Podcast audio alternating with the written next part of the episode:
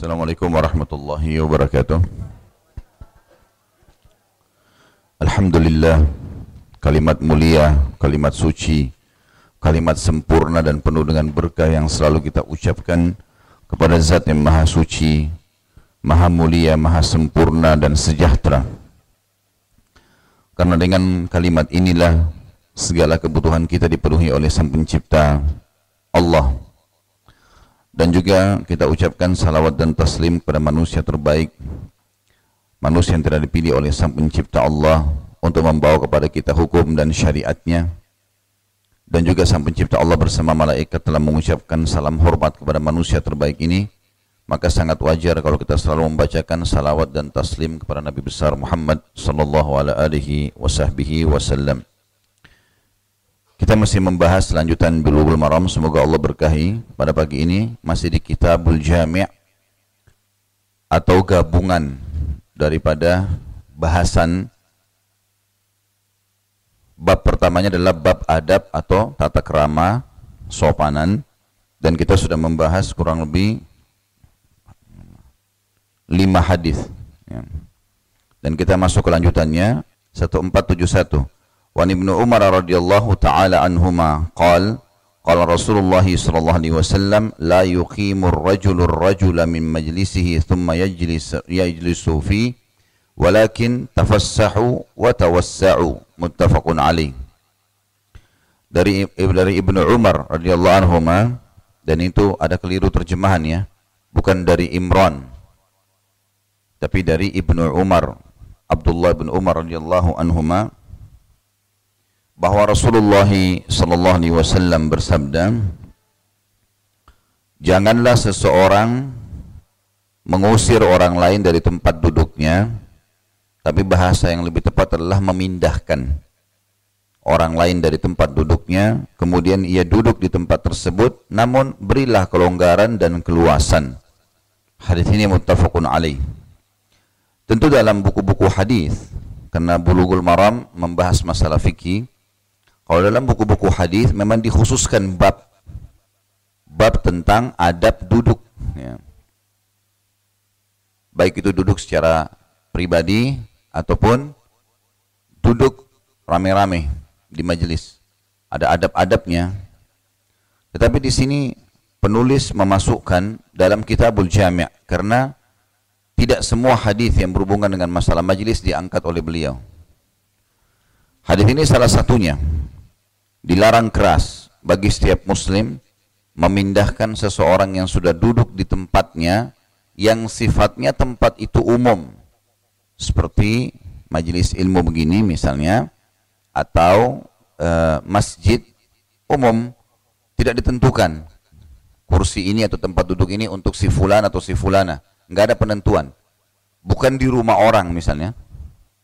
Kalau tuan rumah Misal ada tamu duduk dan dia salah duduk. Terus dia mengatakan, maaf ya bu, maaf pak bisa pindah ke ruangan sebelah misalnya. Atau pindah ke kursi yang sebelah itu. Itu nggak ada masalah. Bahkan dalam adab duduk ini, kalau kita bertamu ke rumah orang, kita nggak boleh duduk sampai dipersilahkan. Dan termasuk sunnah kalau kita bertanya, saya duduk di sebelah mana? Karena bisa saja yang kita dudukin ternyata kursi tuan rumahnya. Dia biasa di situ. Ya. Di kursi itu dia biasa menjamu tamunya. Jadi kalau kita nyelonong saja main duduk, mungkin nanti dia jadi malu, dia nggak enak mau ingatkan, atau mungkin ada tuan rumah yang tidak mau tahu, dia malah marah. Bisa jadi, akhirnya memalukan kita sebagai tamu kan. Jadi kalau di rumah berbeda kasusnya, baik orang yang berkunjung ataupun orang yang pemilik rumah. Tapi kalau kita bicara ini sekarang tempat umum, majelis ilmu, masjid, ya, atau mungkin ada tempat duduk umum di taman misalnya. Maka kalau ada orang yang duduk kita nggak boleh pindahkan. Muslim atau non muslim kalau di tempat umum misalnya di taman sudah ada orang duduk. Memang itu fasilitas umum nggak boleh dipindahin. Atau orang duduk di bus ya. Atau di kereta api atau di mana saja. Misal ada tempat yang sifatnya umum maka ini tidak boleh dia memberdirikan orang ya, yang sudah duduk kecuali orang itu memang dasarnya berdiri. Makanya hadis ini berbunyi janganlah berarti larangan ya. Seseorang Di sini terjemahan mengusir saya bilang tadi lebih tepatnya memindahkan, lebih santun ya. Sebenarnya maknanya sama. Orang lain dari tempat duduknya, kemudian ia duduk di tempat tersebut, namun berilah kelonggaran dan keluasan. Artinya, minta kepada orang yang sudah duduk, bisa nggak saya di sampingnya? Misal, contoh, kita masuk ke majelis, ternyata masih ada luang. Lalu kita mengatakan, bisa nggak saya duduk di sebelahnya? Misal. Atau di masjid. ya Karena ini banyak orang yang tidak faham, maka mereka main masuk saja, main ambil tempatnya orang gitu. Kadang-kadang sudah diberikan tanda, dia masih masuk ini nggak boleh, dia berdosa di situ. Walaupun niatnya baik, niatnya untuk hadir majelis ilmu, niatnya untuk sholat lima waktu, tetap nggak boleh. Kecuali tentu orang yang duduk itu memberikan peluang. Misal di atas bus umum, kemudian ada seorang ibu baru naik bus, ternyata ada seorang laki-laki memberikan kesempatan dia berdiri, dia bilang silakan ibu duduk. Itu lain, tapi nggak boleh kita yang suruh dia berdiri. Kamu lebih muda berdiri, saya lebih tua, saya harus duduk misal. Enggak boleh. Enggak ada haknya di situ. Ini termasuk adab dalam majelis, ya, duduk. Tapi sekali lagi kalau itu di tempat khusus, di rumah orang misalnya, kita berkunjung gitu kan, maka ini tentu saja tergantung tuan rumahnya. Terserah dia mau suruh kita duduk di mana gitu ya. Tentu saja tuan rumah juga yang beriman sama Allah akan memberikan tempat yang terbaik tamunya.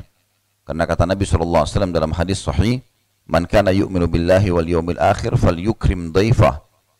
Siapa yang mengaku beriman pada Allah hari akhir dia harus mengikram. Ikram itu memuliakan tamunya. Tempat duduknya yang baik, makanannya yang baik dan para sahabat sampai-sampai kalau ada tamu di rumahnya mereka kelaparan semalam suntuk karena memberikan makan tamu. Karena tamunya dihidangkan, ternyata tamunya habiskan, tamunya nggak tahu kalau cuma itu makanan di rumah. Maka mereka kelaparan sampai pagi dan mereka karena menjalankan sunnah Nabi SAW menghormati tamu sampai seperti itu. Jadi ini berbeda hukumnya. Kalau di tempat khusus berbeda. Di tempat umum, ini juga hukumnya berbeda. Tentu dianjurkan juga kalau kita sedang dari tempat umum, Bapak Ibu sekalian, adalah kita memberikan tanda. Kayak kita masuk masjid, kita memang rencana mau kembali ke situ. Atau di majelis ilmunya, memang rencana mau duduk di tempat yang sama maka berikan tanda supaya orang tahu orang nggak masuk di situ. Ini adabnya. Baik kita masuk ke 1472 Wa Ibnu Abbas radhiyallahu anhu maqal qala Rasulullah sallallahu alaihi wasallam idza akala ahadukum ta'aman fala yamsah yadahu hatta yal'aqaha aw yul'iqaha muttafaqun alaih dari Ibnu Abbas radhiyallahu anhu bahwa Rasulullah sallallahu alaihi wasallam bersabda Apabila salah seorang di antara kalian atau di antara kamu makan makanan, maka janganlah ia membasuh tangannya sebelum ia menjilatinya atau menjilatkannya pada orang lain. Baik, jangan salah faham. Nanti kita jelaskan. Ini baru dibacakan hadis. Memang begitu, terjemahnya benar. Terjemahannya benar. Sebentar. Sekarang kita sebutkan hadis ini faedah-faedahnya. Yang pertama adalah perintah agar seseorang kalau makan makanan menggunakan tangannya. Sunnah menggunakan tangan langsung. Dan Nabi SAW ya, sering kali atau selalu disebutkan dalam riwayat menggunakan tangan beliau. Baik dalam memasukkan daging ke dalam mulut, seperti hadis Bukhari, pernah disebutkan Nabi SAW memegang paha kambing, tulangnya sambil menggigit. Gitu kan waktu Umar bin Khattab masuk ke dalam rumah. Juga Nabi SAW sering kali merobek eh, roti-roti uh, gandum yang ditaruh di atasnya sarit atau uh, kuah kari, kemudian beliau memasukkan ke dalam mulutnya. Dan sering kali Nabi SAW menggunakan tiga jari. Seringkali Nabi SAW menggunakan tiga jari supaya porsi yang masuk ke dalam mulut juga tidak besar dan kita tahu dalam masalah kesehatan penting sekali seseorang tidak memenuhkan mulutnya, mengunyah sampai halus, sebab akan membuat porsi masuk ke tenggorokannya juga pas dan ususnya tidak bekerja keras, gitu ya, karena sudah hancur. Seperti itulah. Ini sunnah Nabi SAW. Bolehkah kita gunakan fasilitas seperti sekarang sendok dan garpu? Boleh saja. Tetapi permasalahannya adalah dihubungkan dengan adab yang lain ya. Tetap harus menggunakan tangan kanan, Kalaupun misalnya kita menggunakan garpu, garpu di tangan kiri hanya sekedar membantu saja. Misal membantu menaikkan nasi atau potongan daging ke sendoknya. Kemudian kita masukkan di mulut kita, gitu kan. Tidak boleh kita gunakan seperti umumnya orang-orang non-muslim, mereka pakai sendok dan garpu yang ini memang tangan kanannya memasukkan nasi misalnya atau lauk di situ, eh, apa nasi misalnya tangan kirinya sendoknya menyendok daging atau lauk kemudian dimasukkan juga tangan kiri ini nggak boleh. Karena Nabi SAW melarang kata beliau janganlah kalian makan dan minum dengan tangan kiri. Karena syaitan makan dan minum dengan tangan kiri makna lain adalah syaitan mengambil itu makanan dan minumannya karena syaitan bisa mencuri makanan dan minuman bisa mencuri makanan dan minuman dari sini ada adabnya. Sama juga dengan menggunakan pisau biasanya. Kalau orang makan beef stick atau yang sejenisnya, biasanya disediakan pisau di tangan kanan dan garpu di tangan kiri. Karena pisau dipakai untuk memotong. Ya kan? Sehingga kalau sudah terpotong daging-daging tersebut, kemudian digarpu pakai tangan kiri lalu dimasukkan ke mulut. Ini cara orang non-muslim. Kita harus hindari, dibalik. Sendoknya di tangan kiri, eh, maaf, garpu, eh, pisaunya di tangan kiri. Garpunya di tangan kanan. Karena yang penting adalah memasukkan ke dalam mulutnya. Ini yang ada larangan untuk menggunakan tangan kiri. Jadi kita memotong mendahan dagingnya dengan garpu tangan kanan, pisaunya dengan tangan kiri, memotongnya kemudian baru memasukkan ke dalam mulut. Ya. Ini tentu kalau menggunakan selain tangan. Tapi sunnah Nabi SAW menggunakan tangan. Tentu tidak masuk di dalamnya hal-hal yang berkuah misalnya ya, karena mungkin tidak mungkin e, menggunakan tangan. Tapi kita sudah sebutkan adabnya kalau pakai ya menggunakan fasilitas seperti sekarang sendok atau garpu. Yang kedua adalah disunnahkan kalau menggunakan tangan, karena pasti akan ada sisanya di tangan, itu tidak mencuci tangan sampai menjilatnya. Artinya mengambil sisa makanan di tangan kemudian memasukkan ke dalam mulut. Sebagian ulama menyebutkan hikmah-hikmahnya. Dan sekarang banyak teman-teman dari medis muslim yang mengadakan penelitian. Ditemukan ternyata memang di ujung-ujung jari manusia itu ada bakteri. Bakteri ini memang umumnya walaupun kita sudah cuci tangan ada tertinggal. Dan bakteri ini ada positifnya. Artinya kalau seseorang makan dengan tangannya kemudian dia menjilat sisa makanan yang ada di jari dia, maka dia akan temukan bakteri itu akan masuk dan membantu untuk menghancurkan atau melunakkan makanan di usus. Itu di antara hikmah dan ini sudah diteliti secara ilmiah. Memang ada seperti itu. Kalau kita dalam uh, agama Islam, kita cuma tahu adalah sunnah Rasulullah, kita amalkan, gitu kan. Kalaupun kita melihat ada sisa makanan, ada sisa makanan. Kemudian makna hadis yang lain ditambahkan atau dia yul iqaha membuat orang lain menjilatnya. Ini ada makna. Jadi jangan diambil ambil negatifnya. Salah satu tradisi Nabi Shallallahu Alaihi Wasallam itu kalau makan selalu sama istrinya. Dan sering kali Nabi Shallallahu Alaihi Wasallam mengambil makanan-makanan sisa Aisyah. Di antaranya pernah terjadi Aisyah makan makanan dan ada makanan yang jatuh di sebelah bibir Aisyah. Maka Nabi SAW mengambil dengan bibir beliau. Nah. Bentar, tidak usah dibayangkan. Nabi SAW juga melakukan apa yang disebutkan dalam hadis ini. Jadi kalau misalnya pun makan, misalnya pun makan, maka Nabi SAW sering kali membersihkan sisa makanan baik di piring ataupun di jari Aisyah, gitu kan? Maka Nabi SAW juga melakukan itu. Jadi bukan bukan yang difahami di sini adalah setiap habis makan panggil orang di sebelah kita jilatin tangan saya. Bukan itu. Ya. Tapi ada batasannya. Artinya kepada orang-orang yang dekat atau mungkin anak kita, anak kecil dia makan ya. Ya makanya harus dengar dulu penjelasannya. Jadi anak kita lagi makan, dia anak kecil dia makan belepotan, coklat di sana sini segala macam. Mungkin ibunya atau ayahnya mengambil. Itu sesuatu yang boleh-boleh saja dalam Islam. Jadi harus difahami apa maksud dan tujuannya sehingga kita tidak menilai buruk. Sama pernah waktu saya jelaskan penggunaan siwak. Banyak orang menganggap penggunaan siwak itu jorok. Padahal sunnah Rasulullah. Dan sarinya siwak itu bagus buat gusi, buat gigi. Sudah ada survei masalah itu. Ternyata sarinya ya, dari kayu siwak itu sangat bagus menguatkan gusi dan gigi. Makanya Nabi SAW mengatakan kalau saya tidak beratkan umatku, saya akan memerintahkan mereka menggunakan siwak setiap kali mau uduk. Setiap kali mau uduk. Jadi penggunaan siwak ada tata caranya. Kita kalau beli kayu siwak, ya umumnya memang kalau di Saudi di dekat masjid pasti banyak ya. Di Indonesia juga sudah banyak dijual. Alhamdulillah beberapa toko-toko Islam sudah ada. Kalau menggunakan ujungnya dihaluskan, kemudian dipakai dalam beberapa kali saja, digunting, kemudian dipakai lagi. Jadi satu batang itu bisa habis dalam sehari atau dua hari atau tiga hari.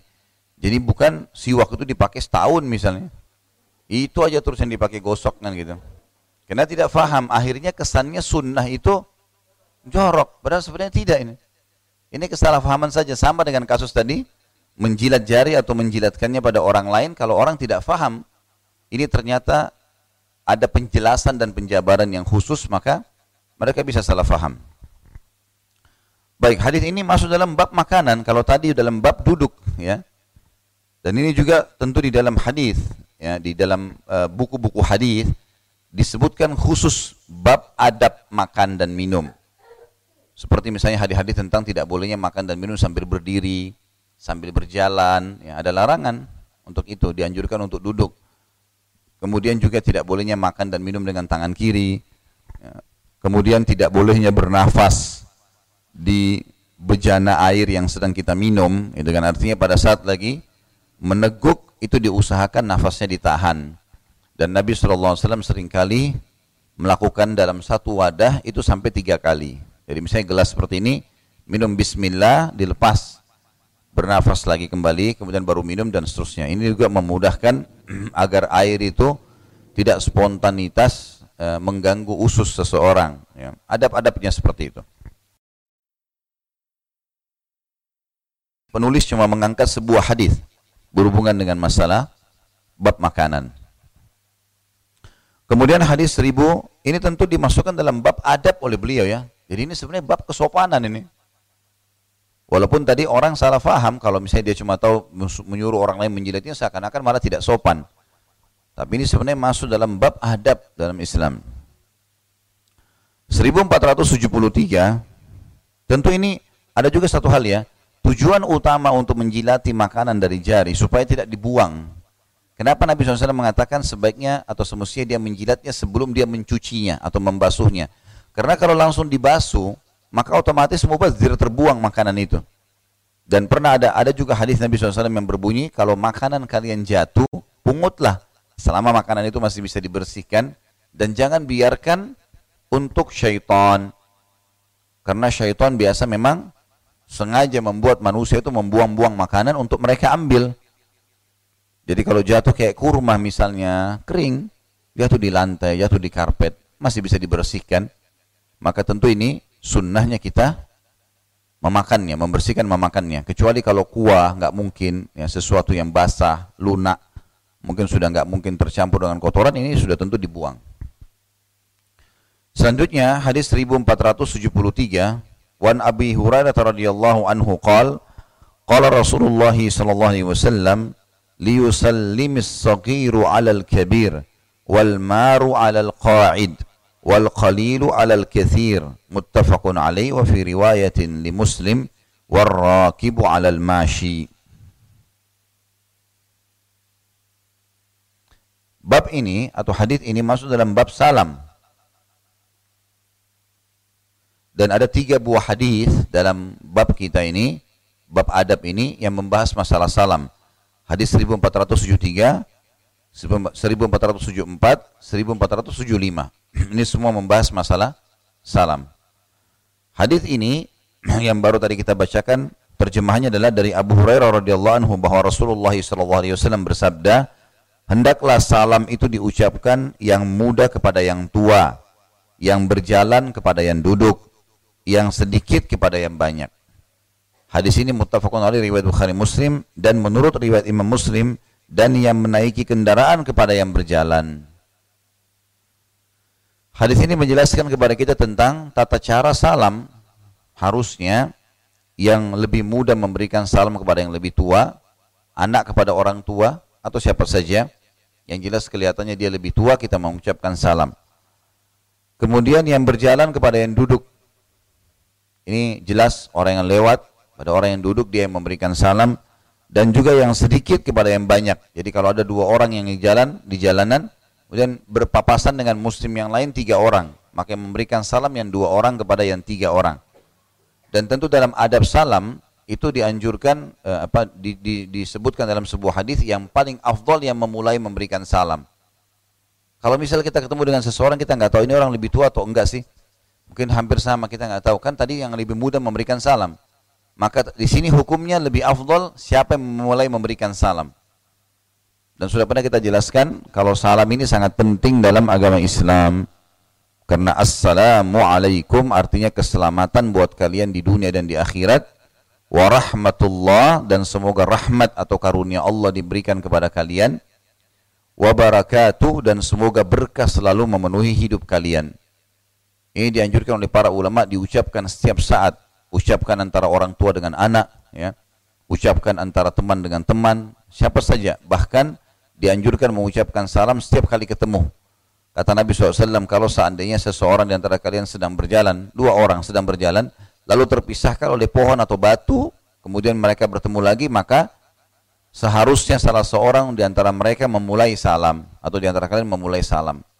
Dia ucapkan Assalamualaikum warahmatullahi wabarakatuh walaupun cuma terpisah dengan batu atau pohon atau tiang atau tembok.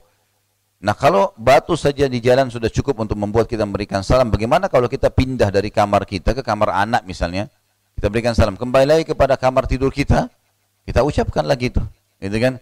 Kita ucapkan lagi salam kepada suami, kepada istri, ya. Kepada siapa saja pembantu, siapa saja kita harus memberikan mengucapkan salam itu sehingga memang kita akhirnya bisa mendapatkan pahalanya. Kemudian di dalam di dalam riwayat lain ditambahkan riwayat Imam Muslim dan yang menaiki kendaraan kepada yang berjalan. Yang menaiki kendaraan kepada yang berjalan artinya yang sedang di atas kendaraan kepada orang yang berjalan kayak kita lagi di mobil, kita lagi di motor, mestinya memang kita memberikan salam kepada orang yang sedang berjalan. Hadis selanjutnya 1474 Wa an Ali radhiyallahu anhu qal qala Rasulullah sallallahu alaihi wasallam yujzi'u 'anil jama'ati idza marru an yusalla an yusallama ahaduhum wa yujzi'ul anil jama'ati an yarudda ahaduhum rawahu Ahmad wal Baihaqi dari Ali radhiyallahu anhu bahwa Rasulullah sallallahu alaihi wasallam bersabda cukuplah bagi sekelompok orang yang berjalan untuk mengucapkan salam salah seorang di antara mereka dan cukuplah bagi sekelompok yang lainnya menjawab salam salah seorang di antara mereka riwayat Ahmad dan Baihaqi misal ketemu antara dua orang yang sedang berjalan dengan tiga orang berpapasan. Kalau di antara yang tentu di sini adabnya yang sedikit memberikan salam kepada yang banyak. Kalau misalnya dari dua orang ini sudah ada satu orang yang mengatakan Assalamualaikum warahmatullahi wabarakatuh, maka itu sudah cukup. Tidak perlu dua-duanya mengucapkan salam, karena kan perintah mengucapkan salam bagi setiap muslim. Tapi kalau mereka rame-rame, dua orang tadi, satu orang sudah ucapkan salam, sebagai sudah mewakili temannya. Dan juga di kelompok yang tiga orang yang sedang menerima salam, kalau salah seorang sudah jawab, maka yang lainnya sudah gugur hukumnya. Walaupun boleh, bukan tidak boleh. Karena mengucapkan salam, kalau kita beramai-ramai, atau menjawab salam kalau kita beramai-ramai, kalau sudah ada yang mulai salam atau mengucap atau menjawab salam, berarti sudah yang lainnya menjadi hukum fardu kifayah. Sudah tercukupkan dengan itu. Tidak berdosa lagi. Mirip dengan hukum sholat jenazah. Sifatnya fardu kifayah. Artinya kalau seandainya ada orang yang sholatin jenazah, maka yang lainnya gugur. Yang lainnya sudah gugur, bukan lagi jadi kewajiban. Tapi kalau ada jenazah, nggak ada orang lain kecuali kita sama dia. Seseorang perjalanan di padang pasir sama temannya meninggal temannya. Maka dia sendiri yang urus jenazahnya. Nah, di sini memang dia wajib mensolatinya. Dia wajib mensolatinya karena dia sendiri. Tapi kalau ada orang lain yang sudah mensolati jenazah, tetangga kita atau siapa saja, maka sudah gugur kewajiban bagi umumnya muslimin. Padahal sebenarnya sholat jenazah itu sangat dianjurkan. Jadi hadis ini memberikan pelajaran kepada kita tentang hukum salam itu kalau rame-rame tercukupkan dengan satu orang saja di antara mereka baik yang mengucapkan salam atau menjawabnya. Hadis 1475 wa anhu radhiyallahu anhu qala qala Rasulullah sallallahu alaihi wasallam la tabda'ul yahuda walan nasara bis salam wa idza lakitumuhum fi tariqin fattaruhum ila adyaqih akhrajahu Muslim dan dari dia juga maksudnya Ali bin Abi Thalib radhiyallahu anhu bahwa Rasulullah SAW bersabda, janganlah mendahului orang Yahudi dan Nasrani dengan ucapan salam. Bila bertemu dengan mereka di sebuah jalan, usahakanlah mereka mendapatkan jalan yang paling sempit. Riwayat Muslim. Baik, ini ada terjemahan yang kita perbaiki tentunya. Hadis ini mengajarkan kepada kita atau memberikan faedah tentang tidak bolehnya kita memberikan salam terlebih dahulu kepada ahli kitab Yahudi dan Nasrani kalau ahli kitab saja tidak boleh yang dasarnya mereka agama profetis, agama samawiyah. Mereka punya nabi juga. Nabi Musa, orang Yahudi, Nabi Isa, Nabi orang Nasrani dan kita yakini kebenaran nabi mereka. Kita yakini kitab dan Taurat, Taurat dan Injil yang turun kepada Musa dan Isa alaihi. Kalau mereka saja tidak boleh kita berikan salam, bagaimana dengan Hindu dan Buddha? Tentu lebih pantas untuk tidak kita mulai salam ya.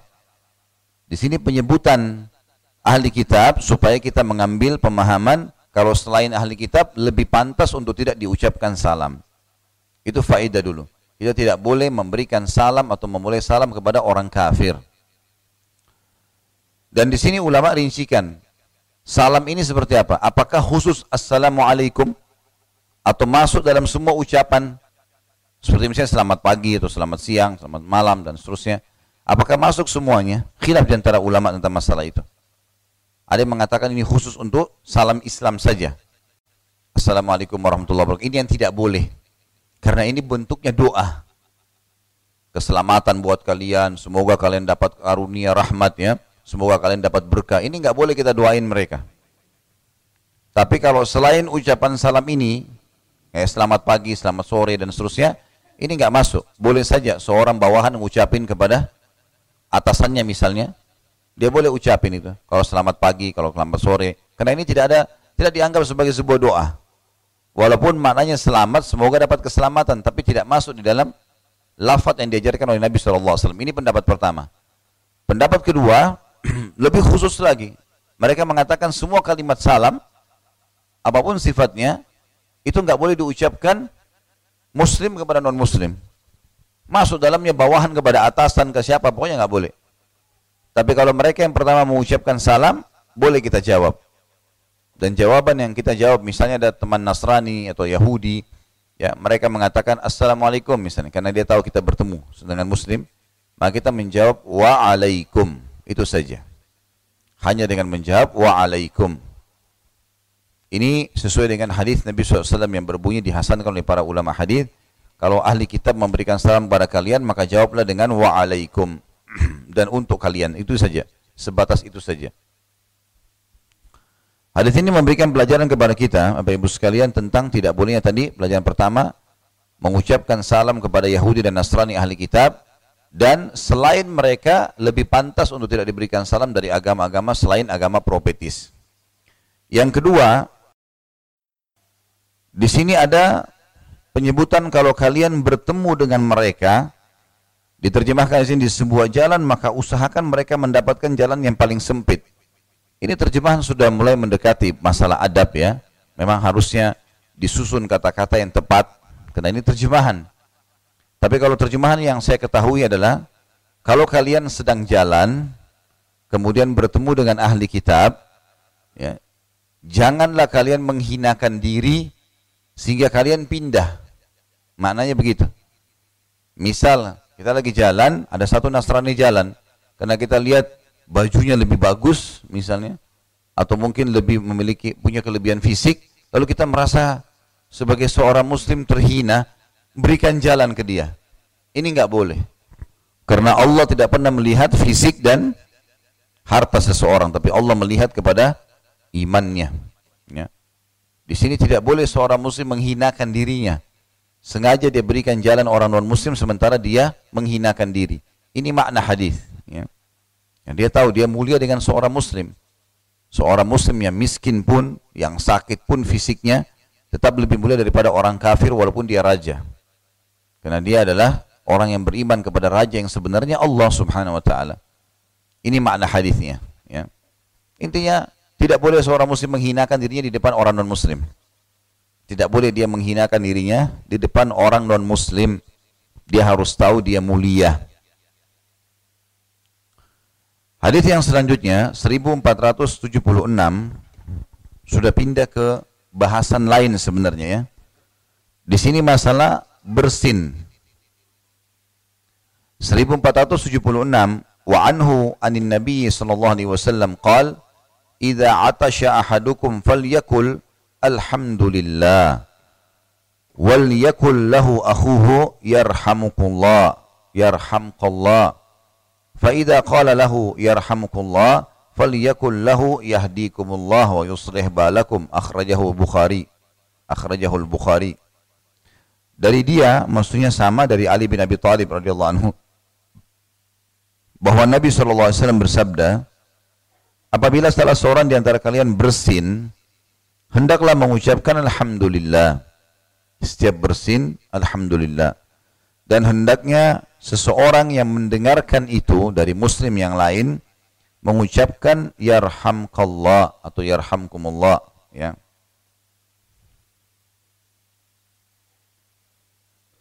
Semoga Allah merahmatimu ya. Apabila ia mengucapkan kepadanya yarhamkallah kalau orang mendoakan dia dengan semoga Allah merahmatimu karena dia memuji Allah tadi pada saat bersin maka yang bersin mengucapkan kembali lagi doa kepada saudaranya yang mendoakan tadi yahdikumullah wa yuslih balakum.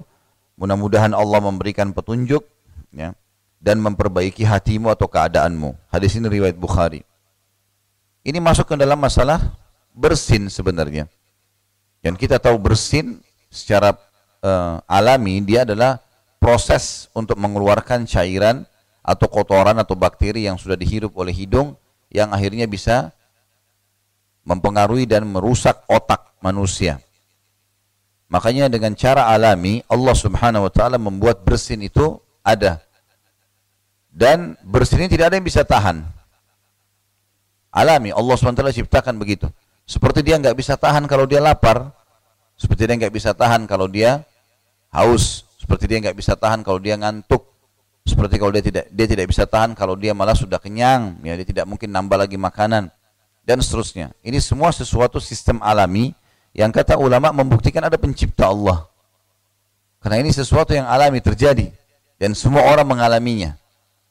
Bukan satu dua orang tapi merata. Berarti ada sebuah sistem yang sedang berjalan. Pasti ada penciptanya. Gitu kan. Bersin ini dalam hadis lain dikatakan Allah mencintai bersin karena kalau bersin manusia memujinya. Disunnahkan mengucapkan Alhamdulillah tadi.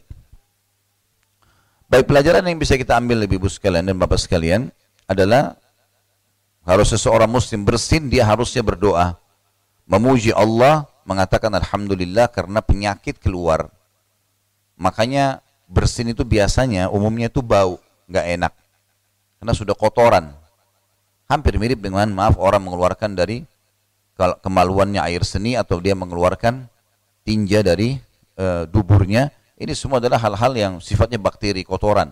Yang dikeluarkan oleh sang pencipta Allah dengan cara alami. Ya kita kalau mau buang air besar, kita merasa kebelet. Ini Allah sudah ciptakan sehingga kita harus ke kamar belakang. Kalau enggak, dia akan rusak organ tubuh kita.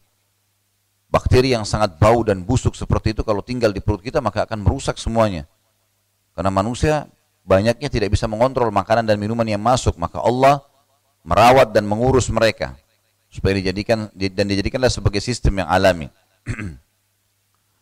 Di sini kalau orang bersin maka dia memuji Allah.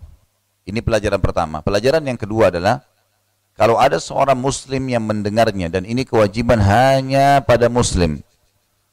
Kalau dia mendengar saudaranya bersin dan mengatakan alhamdulillah dan dia dengar ya. Dia dengar maka dia punya kewajiban mendoakan mengatakan yarhamkallah.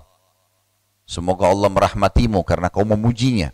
Kalau perempuan yarhamkillah. Laki-laki yarhamkallah, perempuan yarhamkillah. Bedanya di ka dan ki ya.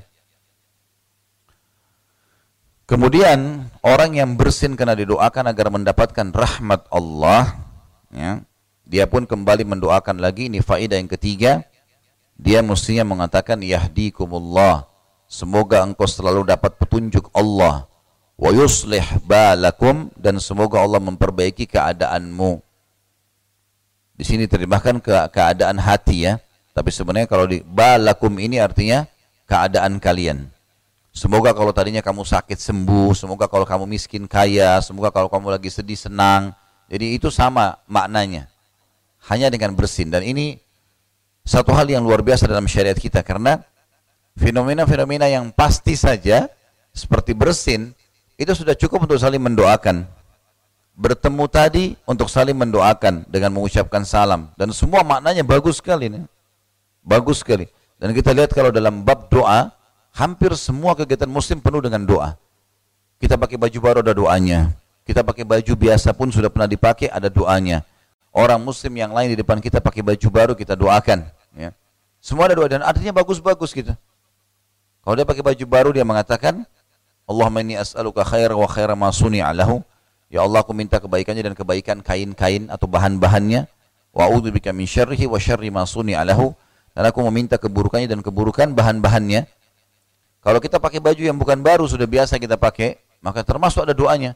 Alhamdulillahilladzi kasani hadat thawb wa razaqani min ghairi haul minni wala quwwah. Segala puji bagi Allah yang telah mengenakan baju ini padaku tanpa ada daya dan menjadikannya sebagai rezeki untukku tanpa ada daya dan kekuatan dariku. Kalau orang muslim yang lain pakai baju baru kita doakan. Ilbis jadidan wa ishami dan wa mut syahidan. Semoga kau selalu pakai baju baru, Ya, semoga kamu hidup bahagia dan semoga pada saat kau meninggal mati syahid. Dalam riwayatnya dikatakan tubli wa yukhlifullah. Semoga baju ini kamu pakai nyaman selama kamu inginkan dan kalaupun sudah kusam, rusak, Allah gantikan. Itu di antara doa kita ucapkan. Jadi penuh dengan doa yang luar biasa dan ini pelajaran juga Bapak Ibu sekalian kalau kita tidak boleh lepas dari pertolongan Allah berdoa. Ini HP-HP tolong di silent dulu ya ya di silent dulu supaya tidak mengganggu taklim. Kalau perlu dimatikan sementara, fokus kepada ilmu aja. Saya sampai lupa nih, sampai mana tuh? Ya, harus penuh dengan doa. Kita harus penuh dengan doa. Kita tahu misalnya dalam Islam doa itu selalu dilakukan sebelum mengerjakan aktivitas, sebelum makan, sebelum minum, sebelum masuk kamar mandi, ya, sebelum pakai baju, ya. Itu semua sebelum berhubungan biologis. Kalau sesudah, umumnya kita memuji Allah. Umumnya kita memuji Allah subhanahu wa ta'ala. Jadi memang doa dilakukan. Jadi sebelum ke dokter, ibu bapak sekalian berdoa dulu supaya disembuhkan. Ya, semua begitu. Sebelum memulai usaha, berdoa kepada Allah. Selalu begitu. Maka doa ini tidak boleh lepas dari seorang muslim. Ini pelajaran yang kita ambil juga dari hadis kita. Kemudian kita masuk hadis setelahnya. Ini masuk dalam masalah bab makan sebenarnya ya.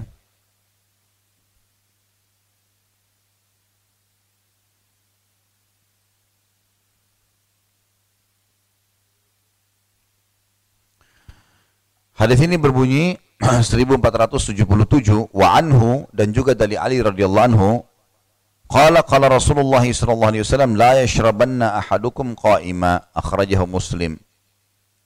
Dari dia maksudnya Ali bin Abi Thalib radhiyallahu beliau berkata Rasulullah SAW bersabda janganlah salah seorang di antara kalian mak kalian minum janganlah salah seorang dari di antara kalian minum sambil berdiri.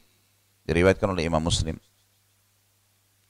Hadis ini sudah masyhur kita sudah tahu tidak boleh minum sambil berdiri tapi ini hukumnya makruh bukan haram artinya kalau orang terpaksa minum berdiri ya sudah tidak ada tempat dia duduk misalnya ya maka sama, makan dan minum boleh berdiri, tapi hukumnya makruh. Artinya dia kalau duduk dapat pahala. Dan di sini adalah larangannya karahiyah namanya. Dilarang tapi sifatnya makruh. Dari mana kita bisa bedakan antara larangan yang haram dan larangan yang makruh? Dari ancaman. Kalau larangan itu diikuti dengan ancaman, misalnya siksa kubur, laknat, murka Allah, itu berarti haram. Tapi kalau larangan tidak ada diikuti dengan ancaman, tidak diikuti dengan ancaman, maka sifatnya makruh. Seperti di sini misalnya, Nabi SAW melarang memang. Janganlah salah seorang kalian minum sambil berdiri. Enggak ada ancaman kan? Maka dia sifatnya makruh. Tapi kalau sudah diikuti dengan ancaman berarti sifatnya haram. Ya.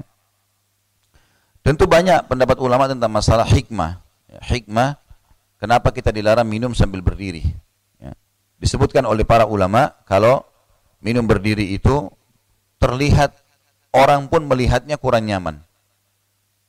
Dan seseorang kalau dilihat, maka dia tambah nggak nyaman. Gitu. Misalnya saya lagi minum berdiri, ada orang yang memperhatikan saya. Kita minumnya sendiri berdiri tidak nyaman, dia pada saat dilihat pun oleh dia tambah tidak nyaman. Itu di antara hikmah disebutkan. Kemudian yang kedua, kalau dia berdiri, tentu dikhawatirkan air itu ya, akan dan orang kalau berdiri itu lebih lebih lebih tegang otot-ototnya dibandingkan dengan orang kalau duduk dia lebih rileks. Sementara makan dan minum ini butuh rileks. Nggak bisa orang kalau makan, minum, tidur itu dalam kondisi tegang. Itu akan sulit. Dia nggak nyaman mengunyahnya, dia nggak nyaman meminumnya, dia nggak nyaman tidurnya. Maka kalau dia orang-orang berdiri susah. Seperti kita tahu kalau rasionalnya tidur sambil berdiri dengan tidur duduk. Kurang lebih begitu.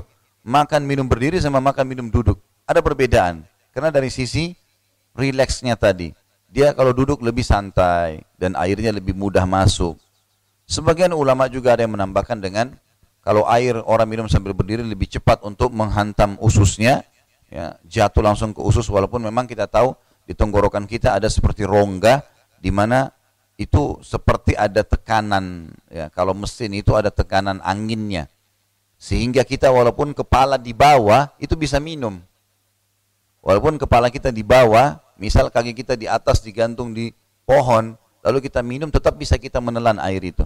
Karena ada rongga dan tekanan udara di tenggorokan kita yang bisa menarik. Nah ini kalau orang duduk maka fungsinya maksimal itu. Air itu dibawa pelan-pelan di tenggorokan, pelan-pelan dibawa. Kalau orang berdiri, maka karena ketarik otot-ototnya, ininya juga tidak maksimal dalam berperan, ber, dalam berperan. Sehingga air bisa lebih cepat masuk ke dalam ususnya. Di antara hikmah disebutkan. Yang jelas kita sebagai seorang muslim ada hikmah, nggak ada hikmah tetap kita jalankan karena sunnah Nabi Sallallahu alaihi wasallam. Apa ruginya kita makan dan minum duduk sementara dapat pahala dibandingkan kita harus berdiri, gitu kan? Maka lebih baik kita cari pahala, apalagi pahala ini tidak bisa kita nilai satu pahala dengan angka satu. Bisa saja seperti gunung Uhud, kita nggak tahu. Makanya kata Nabi SAW dalam hadis yang lain, La tahkiranna minal ma'rufi syai'a. Jangan pelit-pelit dengan satu buah pahala. Jangan anggap, oh ini cuma satu pahala senyum dengan muslim. Baik, dari mana kita tahu? Mungkin satu gunung pahalanya. Mungkin sepuluh gunung. Kita nggak tahu. Gitu kan? Selanjutnya adalah masuk ke bab yang lain nih. Maksudnya bahasanya berbeda. Tapi karena ini adalah kitabul jami' gabungan dan ini babnya adalah bab adab, beliau menulis di sini, penulis memasukkan hadis ini tentang sunnah memulai segala satu dengan sisi kanan. Dan ini ada dua buah hadis ya. Hadis 1478 dan hadis 1479. Wa anhu radhiyallahu anhu dan dari Ali radhiyallahu anhu kembali lagi sama beliau.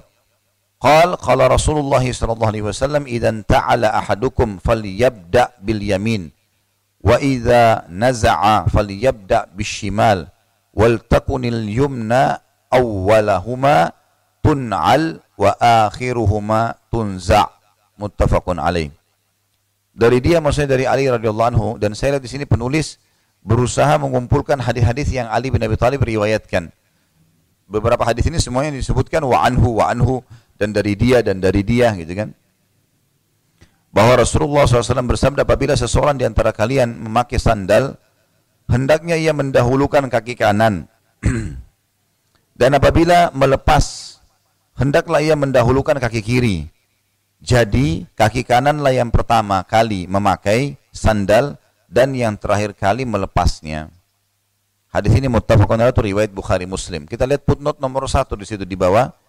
Dalam salah satu naskah Bulughul Maram, Imam Muslim meriwayatkan eh, sampai kata-kata bishimal atau dengan tangan dengan sebelah kiri. Dan kelanjutannya diriwayatkan oleh Imam Malik, Imam Tirmidzi dan Abu Daud.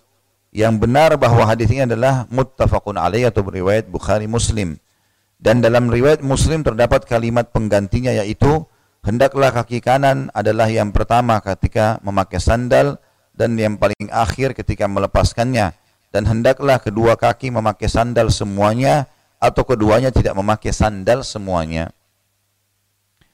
Hadis ini kita ambil pelajaran ibu-ibu sekalian dan bapak-bapak sekalian walaupun di sini kesannya membicarakan hal-hal yang mungkin sebagian orang anggap sepele tapi kita di sini melihat bagaimana kesempurnaan Islam. Karena Islam membahas segala sesuatunya, bahkan hampir segala sesuatunya itu bisa menjadi pahala. Bukan bisa, memang menjadi pahala semuanya. Dikatakan sini apabila seseorang di antara kalian memakai sandal, hendaklah ia mendahulukan sisi kanannya. Dan ada hadis yang lain berbunyi dalam hadis Bukhari. Aisyah mengatakan dari Allah anha, karena Nabi sallallahu alaihi wasallam yuhibbu tayammun fi sya'nihi kulluh atau kullah. Nabi SAW sangat gemar mendahulukan sisi kanannya dalam segala perkaranya. Berarti di sini teman-teman sekalian, adabnya pakai sendal dengan kaki kanan dulu, kemudian membuka dengan kaki kiri. Ini ditarik kepada semuanya, pakai baju misalnya. Maka lengan kanan dulu yang pakai, kemudian baru lengan kiri. Mandi juga kita tahu begitu.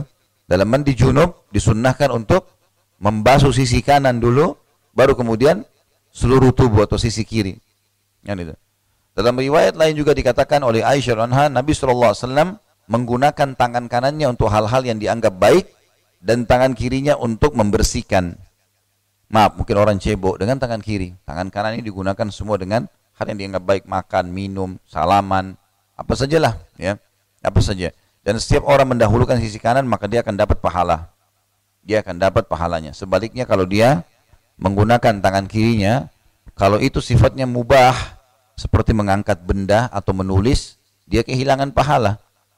Kalau sesuatu yang disunnahkan dan dianjurkan seperti makan dan minum, dia melanggar. Nggak boleh dengan tangan kiri. Jadi semestinya istilah kidal itu dalam Islam dihilangkan ini. Mestinya dihilangkan. Mungkin ada pertanyaan, bagaimana caranya? Ulama bahas lebih dalam lagi, ibu-ibu dan bapak sekalian, dan sangat detail. Ternyata syaitan itu dari anak-anak masih kecil, semua anak manusia, kafir atau beriman, itu akan digoda oleh syaitan di awal-awal hidupnya, di awal dia bisa memegang barang dengan tangan kiri. Hampir semua manusia digituin oleh syaitan.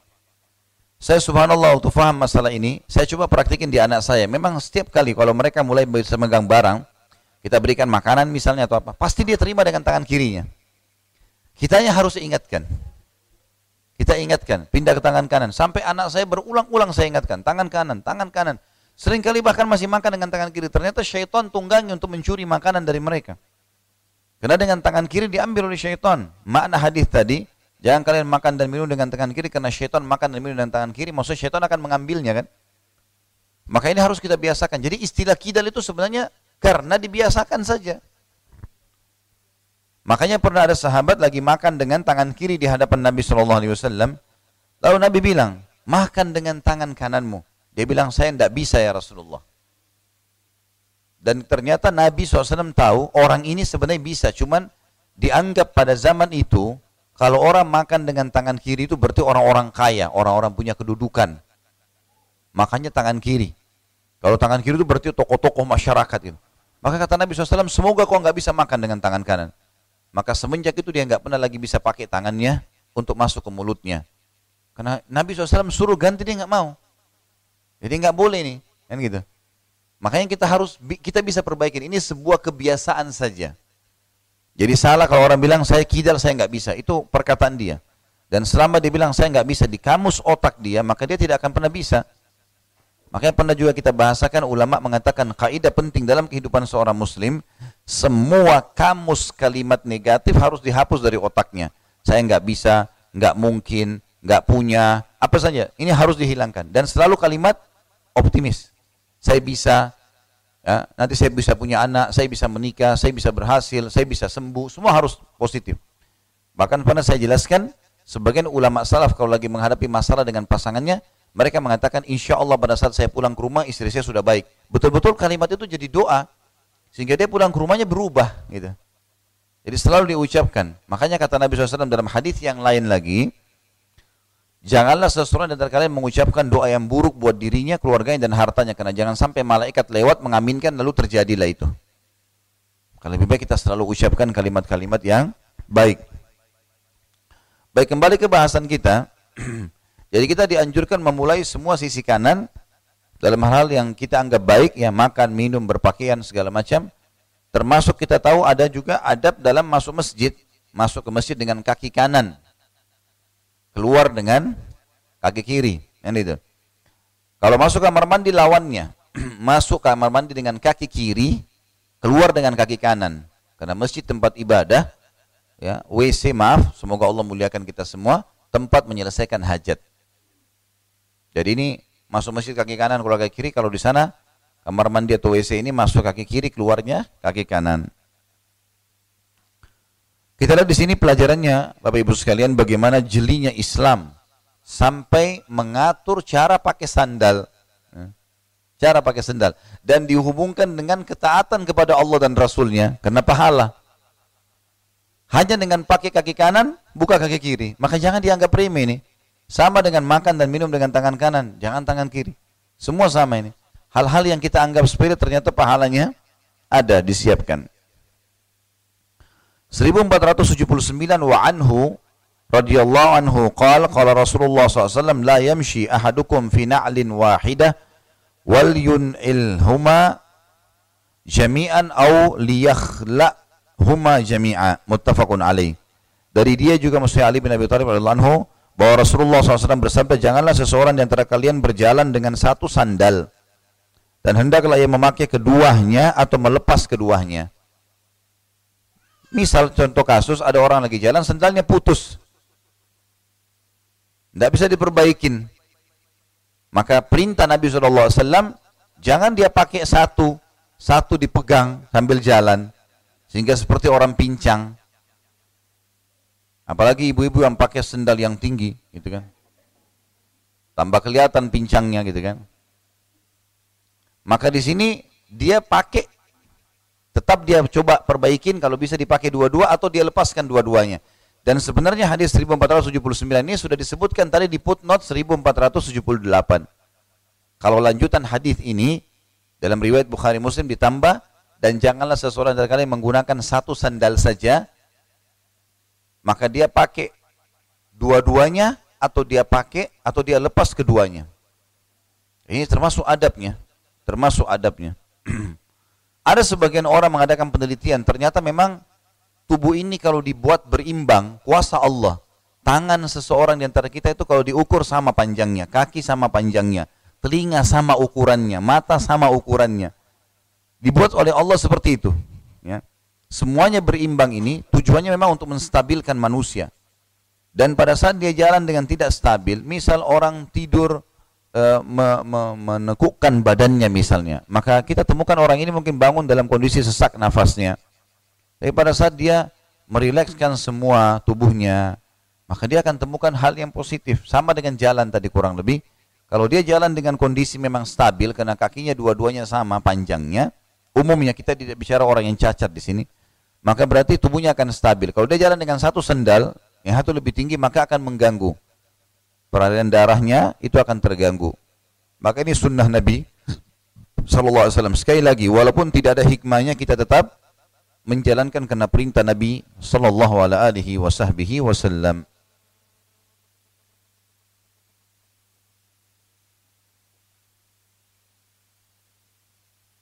Baik, hadis 1480 berbicara tentang masalah pakaian.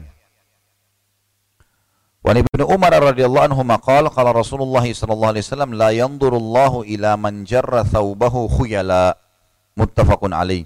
Dari Ibnu Umar radhiyallahu anhu bahwa Rasulullah SAW bersabda Allah tidak akan melihat orang yang menjuntai pakaiannya terseret dengan sombong. Muttafaqun alaih. Hadis ini kita ambil beberapa hukum yang pertama kalau untuk laki-laki dan perempuan pelajaran pertama tidak boleh dia menggunakan pakaian apa pun diikuti dengan kesombongan. Haram hukumnya. Dan dalam hadis lain dikatakan, siapa pun yang dalam hatinya ada seperti biji sawi dari kesombongan tidak akan mencium bau surga. Jadi kalau pakai baju baru pun, walaupun mahal, maka kita merendah jalan biasa saja kan. Ya. Tidak usah jalannya dibuat-buat. Ya. Pakai sepatu baru bunyinya disengaja dikerasin. Ya. Atau mungkin sengaja dadanya lebih dibusungkan karena bajunya baru. Ya. Atau apalah ya yang dilakukan. Maka ini semua hukumnya haram. Enggak boleh dalam Islam. Karena Allah subhanahu wa ta'ala menyebutkan dalam hadis Qudsi, kata Nabi SAW, Allah berfirman, sombong adalah pakaianku. Siapa yang menyaingiku di situ, aku akan lemparkan dia ke api neraka. Ini nggak boleh. Makanya syaitan, iblis menggoda manusia agar sombong. Merasa diri lebih dari orang lain. Misalnya fisik atau misal yang lain. Jadi seorang muslim dan muslimah, pelajaran pertama dari hadis tidak boleh menggunakan pakaian bahkan masuk ke dalam semua ya, aksesoris hidupnya dialah. Pakaiannya, topinya, jilbabnya, sepatunya, apa saja. Enggak boleh dengan kesombongan. Dan siapa yang sengaja menggunakan dengan kesombongan, maka di sini ancamannya adalah Allah tidak akan melihat. Mana melihat adalah Allah tidak akan mempedulikan dia, tidak akan dipenuhi kebutuhannya. Ada juga hadis yang lain berbunyi tiga orang yang paling berat siksaannya, eh, tiga orang yang tidak akan dilihat oleh Allah, tidak akan diajak bicara, ya, dan Allah tidak akan membantu mereka pada timbangan amal kalau dosanya lebih berat. Ya dan juga Allah siapkan azab yang pedih.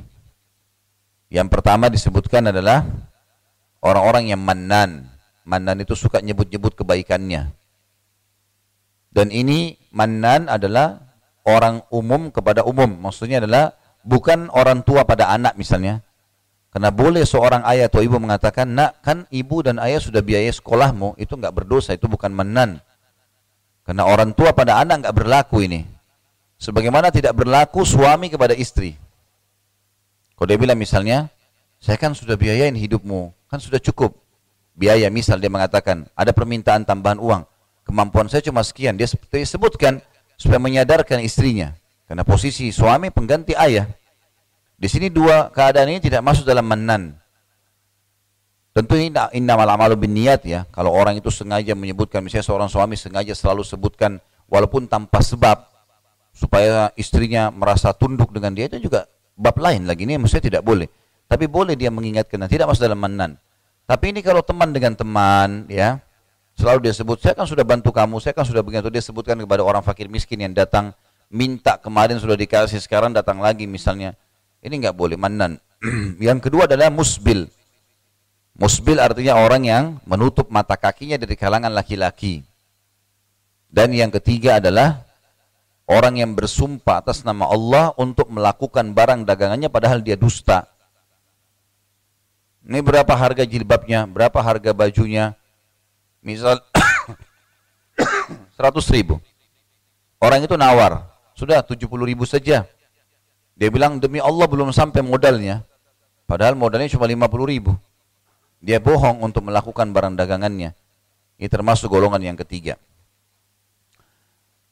Pelajaran pertama tadi dari hadis kita bicara secara umum laki-laki dan perempuan tidak boleh pakai baju atau mengenakan apa pun atribut dia ataupun aksesoris hidupnya dengan kesombongan. Pelajaran kedua adalah khusus laki-laki tidak boleh mereka menutup mata kakinya.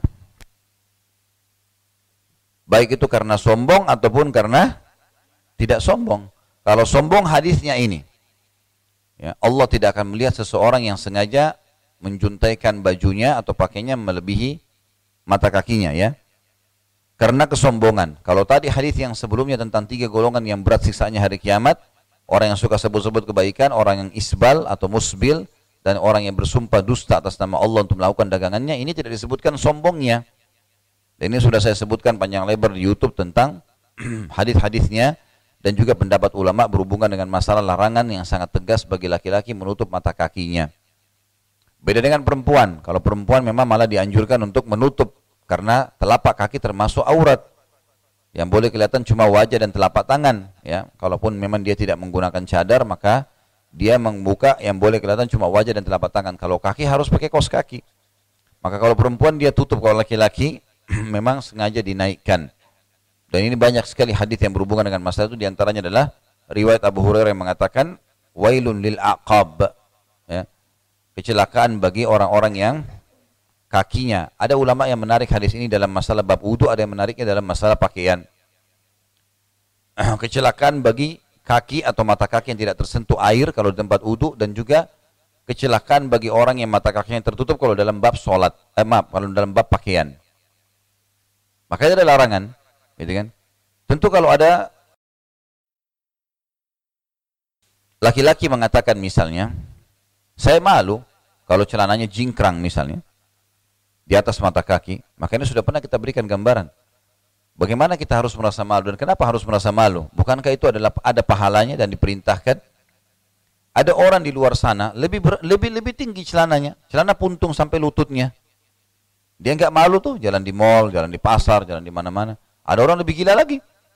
Dia sampai setengah pahanya. Celana pendek dia pakai, dia nggak malu. Kenapa kita cuma tinggiin di atas mata kaki malu? Sementara perintah Nabi Shallallahu Alaihi Wasallam, ada kan? Dan ini khusus ibu-ibu pesan saya, setiap kali suaminya terapkan sunnah, jangan diolok-olok ini. Karena banyak laki-laki, mungkin karena faktor kejiwaan lemah, setiap istrinya olok, maka dia anggap itu adalah sesuatu yang memalukan, ditinggalkan sama dia. Begitu pelihara jenggot, kayaknya tambah tua nih kelihatan. Jelek ini. Ya. Begitu juga pada saat umroh, biasanya kalau saya bimbing, bahwa bapaknya saya suruh gundul semua. Gundul ini lebih afdal. Ibu-ibunya saya sudah ingatkan, jadi kalau di manasik sekarang saya ingatkan, gitu kan. Ibu-ibu kalau bapak-bapaknya nanti gundul, jangan diolok-olok, gundul jelek lah segala macam. Nanti dia nggak mau gundul. Bilang gundul tambah ganteng, nah gitu. Motivasi dia, biar dia hidupkan sunnah, ya, semestinya. Maka ini harus dilakukan. Jangan sampai kita menjadi penyebab orang malah melanggar atau meninggalkan perintah agama. Baik, dua hadis terakhir dalam bab kita ini, bab adab, Ya. Belum kembali lagi ke masalah makan dan minum ini sebenarnya. Ya. 1491. Ini karena memang disusun. Kita kan bahas sesuai dengan urutan hadis. Sebenarnya ini hadis-hadisnya sudah tersinggung tadi ya, sudah kita bahas tadi. Sudah kita bahas tadi. Tapi saya bacakan 1481 wa anhu radhiyallahu anhu anna Rasulullah sallallahu alaihi wasallam qala idza akala ahadukum falyakul bi yaminihi wa idza syariba falyashrab bi yaminihi fa inna syaitana ya'kulu bishimalihi wa yashrabu bishimali akhrajahu muslim dari dia maksudnya Abdullah bin Umar radhiyallahu anhu karena Abdullah bin Umar meriwayatkan 1480 bahwa Rasulullah SAW bersabda apabila seseorang di antara kalian makan hendaklah ia makan dengan tangan kanan dan minum hendaknya ia minum dengan tangan kanan karena sungguhnya syaitan itu makan dengan tangan kirinya dan minum dengan tangan kirinya. Hadis riwayat Muslim. Hadis ini memberikan gambaran kepada kita. Pendapat pertama ulama mengatakan bahwa yang dimaksud dengan potongan hadis sungguh syaitan makan dan minum dengan tangan kiri artinya memang kita harus bertolak belakang dengan syaitan.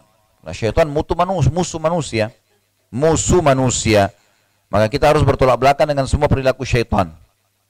Dan syaitan memang mengajak kepada semua kemaksiatan.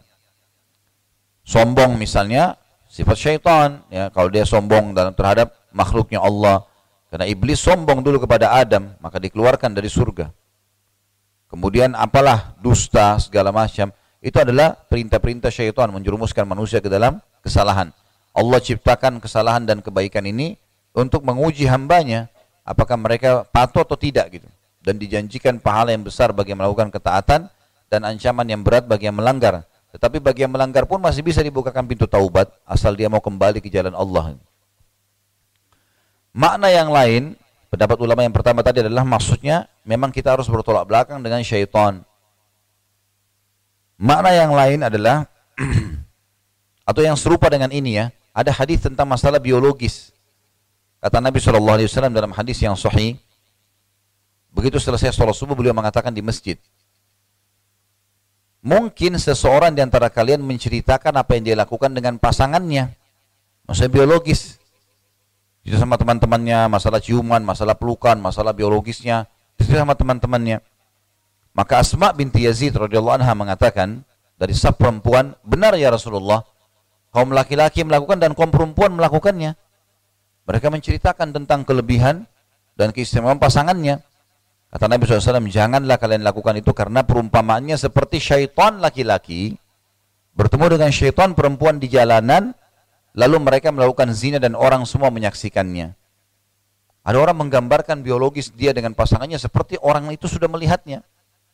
Bahkan kita sudah pernah ceritakan efeknya ya. Kalau seseorang misalnya di antara ibu-ibu menceritakan tentang ke, ke tanda kutip ya kehebatan, kelebihan suaminya, lalu kemudian teman-temannya suaminya nggak begitu pastilah mereka akan melakukan hal-hal yang buruk. Mungkin membenci suami mereka atau bahkan mengganggu suami orang ini. Sebaliknya juga begitu. Bapak menceritakan tentang kelebihan istrinya. Dia sudah diberikan oleh Allah, istri yang Masya Allah memuaskan. Dia mesti dia antara dia sama Allah, bersyukur. Kau sudah diceritakan teman-temannya, kalau teman-temannya ternyata istrinya tidak begitu, maka dia akan dia permasalahkan, permasalahkan hubungannya dengan istrinya atau dia malah mengganggu istri orang yang menceritakan itu. Tapi saksi bahasan kita dari hadis adalah masalah syaitan laki-laki dan syaitan perempuan yang mereka memang selalu saling menceritakan satu sama yang lain. Jadi syaitan juga itu melakukan biologis. Tapi karena mereka musuh kita, kita dilarang untuk menyerupai mereka. Mirip dengan hadis ini, karena syaitan makan dan minum dengan tangan kiri. Ini pendapat pertama dari ulama. Pendapat yang kedua mengatakan, yang dimaksud dengan makan dan e, syaitan makan dan minum dengan tangan kiri, artinya kalau kalian makan dengan tangan kiri, syaitan akan mengambil makanan tersebut. Karena syaitan bisa mencuri ya. Syaitan itu bisa mencuri makanan kita, syaitan itu bisa uh, menggoda kita ya. Sebagaimana kita tahu orang kalau tidur, kata Nabi kata, seorang sahabat bertanya Rasulullah, bagaimana pendapat Anda tentang orang yang tidur pada saat azan subuh dikumandangkan? Enggak sholat subuh, tepat waktu. Kata Nabi SAW itu orang yang kupingnya dikencingi oleh syaitan. Ya, jadi syaitan bisa melakukan itu. Tapi kita tidak bisa melihatnya. Hadis yang terakhir 1482 Wan Amr bin an abihi an jaddihi radhiyallahu anhum ajma'in qal qala Rasulullah sallallahu alaihi wasallam kul washrab walbas wa tasaddaq fi ghairi syarafin wala makhilah. Akhraja Abu Dawud wa Ahmad wa allaqahu al-Bukhari. Dari Amr bin Shu'aib jadi ibn itu diganti bin. Dari Amr bin Shu'aib dari ayahnya dari kakeknya bahwa radhiyallahu anhu bahwa Rasulullah SAW bersabda makanlah minumlah berpakaianlah dan bersedekahlah tanpa berlebihan dan sikap sombong. Riwayat Ahmad dan Abu Dawud dan hadis ini muallak menurut Bukhari. Yang dimaksud dengan muallak adalah Bukhari Imam Bukhari tidak memberikan nomor khusus dalam buku hadisnya tapi ditulis di bawah di footnote. Atau cuma sekedar melengkapkan bahasan maka dikatakan muallaq. Hadis ini menjelaskan kepada kita tentang bolehnya seorang muslim menikmati hidupnya. Silakan makan, silakan minum, silakan berpakaian. Yang bagus juga boleh, yang berkualitas juga boleh, nggak ada masalah. Tapi dikatakan jangan berlebih-lebihan dan jangan diikuti dengan sifat sombong. Boleh boleh berlebihan, makan enak iya. Sudah cukup, terasa kenyang, berhenti. Jangan dipaksakan. Minum juga begitu. begitu juga dengan pakaian. Tidak perlu kita memiliki banyak sekali sehingga akhirnya ya kita tidak tahu yang mana mau dipakai duluan. Ya. Terutama ibu-ibu ini. Pasti pasti sudah umum lemarinya lebih besar dari lemari suaminya. Bajunya lebih banyak. Yang berlebihan adalah dia lemarinya lima, yang suaminya satu. Atau mungkin suaminya cuma di pojok saja sedikit bajunya. Loh itu sudah umum. Saya punya pengalaman di rumah, karena istri saya lihat baju. Loh iya, tapi benar nggak ibu-ibu ini? Nah, lebih banyak yang benar daripada enggak. Sebentar, sebentar. Jadi saya kadang-kadang kalau dia memang lihat baju bagus dibeli. Saya nggak pernah larang. Alhamdulillah silahkan ada rezeki pakai saja. Tapi saya pernah bercanda, saya bilang ini kalau lemari bisa ngomong, dia akan ngomong nih, berat. Hanger dirapat-rapatin sampai bengkok tuh besi. Enggak selesai-selesai. Ini berlebihan. Boleh orang punya baju mungkin sekian banyak, tapi memang dia tahu oh, ini dia bisa pakai, ini dia bisa pakai, ini dia bisa pakai. Kalau 100 lembar baju misalnya, kalau dia satu hari pakai satu baju, dia kembali ke baju pertama hari ke 101. Allahu alam, masih hidup atau enggak ini? Artinya di sini boleh kita nikmati sebagai seorang muslim, tapi jangan berlebihan. Dan ingat, jangan diikuti dengan sifat sombong. Memang biasa ada orang begitu ya niatnya, pakai tas baru karena ada mereknya, sengaja diangkat-angkat tangannya. Supaya teman-temannya lihat ini merek baru nih. Ya. Sengaja, kalau ngomong pun dilihatin. Baru pakai cincin baru, sengaja nunjuk-nunjuk terus pakai jari itu. Ya. Gak boleh ada kesombongan ini.